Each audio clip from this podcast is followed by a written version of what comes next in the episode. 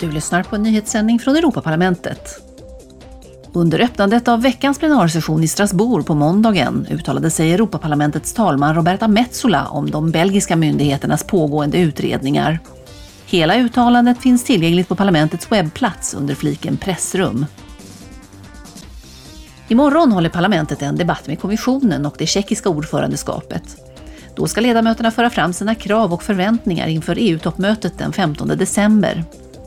Toppmötet ska främst handla om den senaste utvecklingen i Rysslands krig mot Ukraina, de sociala och ekonomiska följderna av de höga energipriserna, säkerhets och försvarsfrågor och förbindelserna med EUs södra grannländer.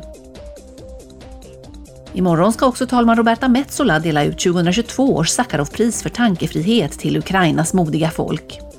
President Volodymyr Zelensky förväntas tala till plenarförsamlingen via en videolänk.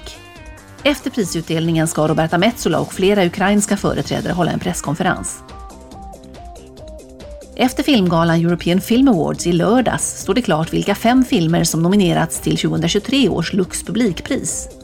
En persikolund i Katalonien, Burning Days, Close, Triangle of Sadness och Will of the Wisp.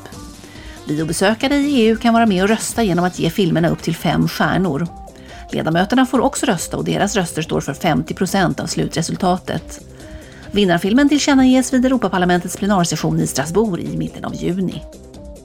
Du har lyssnat på en nyhetssändning från Europaparlamentet.